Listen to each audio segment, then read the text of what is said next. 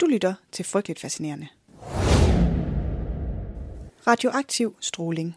Måske en af de mest uhyggelige ting, et menneske kan blive udsat for.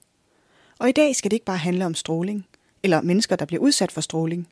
Det skal handle om det mest radioaktive menneske, der nogensinde har eksisteret. Simpelthen. Og no spoiler, det er ikke sådan en type af Guinness rekord, der er noget at gå efter. Det er virkelig frygteligt. Og det er det, som det skal handle om i dag. Velkommen til det her afsnit af Frygteligt Fascinerende, hvor vi dykker ned i Hirashi Uchis historie. Frygteligt Fascinerende er en podcast om alt det frygtelige, som alligevel fascinerer os. Her i Kort Fortalt giver en kort intro til noget frygteligt fascinerende fra nær eller fjern historie. Velkommen til.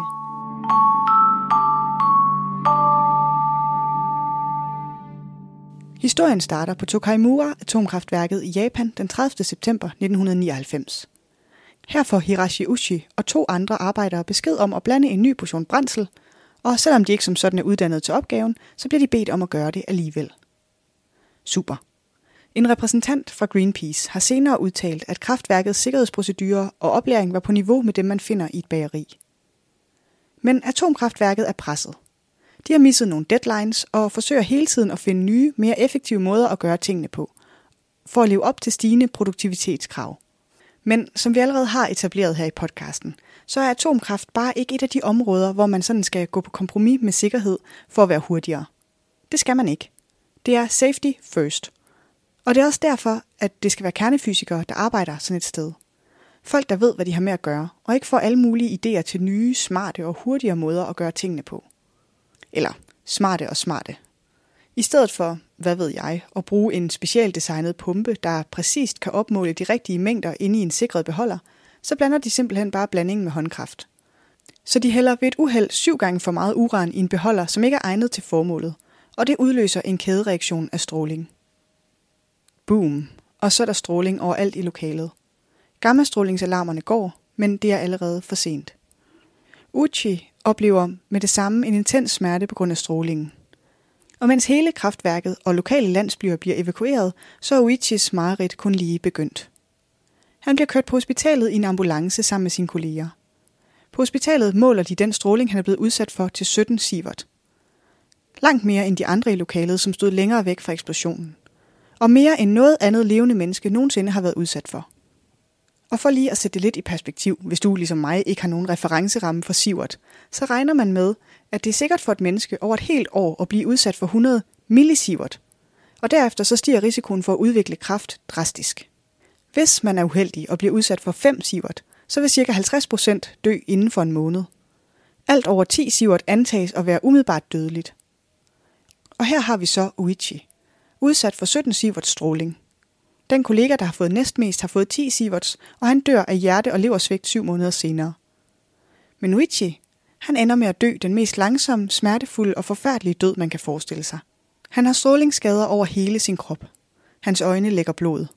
Der er stort set ikke flere hvide blodlægmer tilbage i hans blod, og alle hans vitale organer er beskadiget. Han kommer til at dø af det her. Men altså, som lede videnskabsfolk nu gør, så ser de også muligheder i situationen. Hvem det er, der kommer med ideen, er lidt uklart. Men der bliver i hvert fald fremlagt det synspunkt, at Uichi han udgør en ret unik mulighed. Og det kan de jo sådan set have ret i. Det er ikke sikkert, at verden nogensinde igen kommer til at opleve et menneske, der er så radioaktivt som Uichi. Så en eller anden foreslår, at man gør, hvad man kan for at holde ham i live, så man kan studere effekterne af den mængde radioaktivitet på en levende menneskekrop. Så han bliver overført til et universitetshospital, hvor de giver ham kraftbehandling for at forbedre antallet af hvide blodlemmer. De giver ham kontinuerlige hudtransplantationer. Det er så vild en behandling, og det grænser til medicinsk tortur, hvis du spørger mig. Efter en uge på hospitalet, så tigger Uichi dem om at indstille behandlingen og lade ham dø. Han er så smertepåvirket, og behandlingerne er så håbløse, at han ikke ser nogen grund til dem.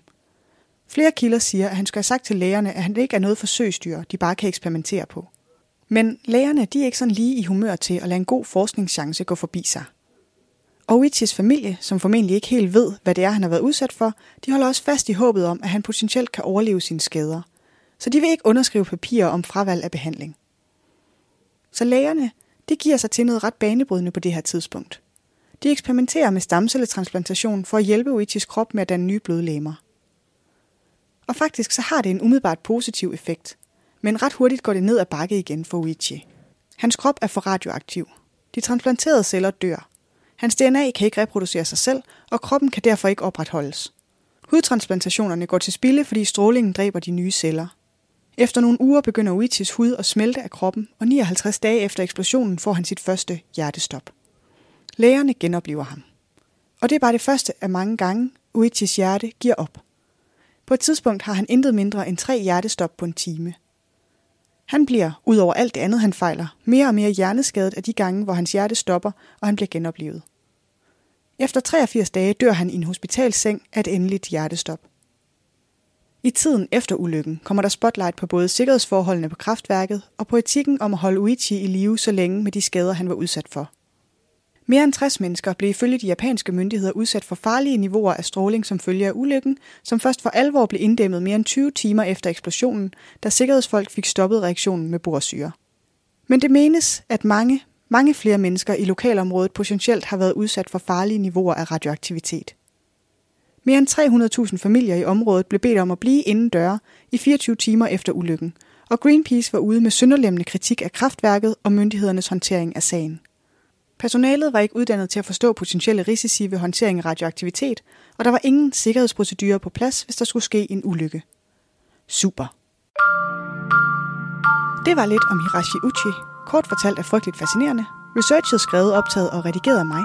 Jeg hedder Maria. Dagens afsnit var lavet med inspiration fra Benjamin, min mest frygteligt fascinerede ven. Tak for forslaget, du. Næste afsnit kommer ikke i næste uge, for der holder jeg påskeferie. Og du skal ikke spille fornærmet. Jeg har sagt det i sidste uge også. Men måske kommer der en påskeoverraskelse. Den kan du jo holde øje med. Og ellers så høres vi ved den 13. april. Tak for nu. I researchen til afsnittet har jeg brugt oplysninger fra All That's Interesting, The Infographics Show og How Stuff Works.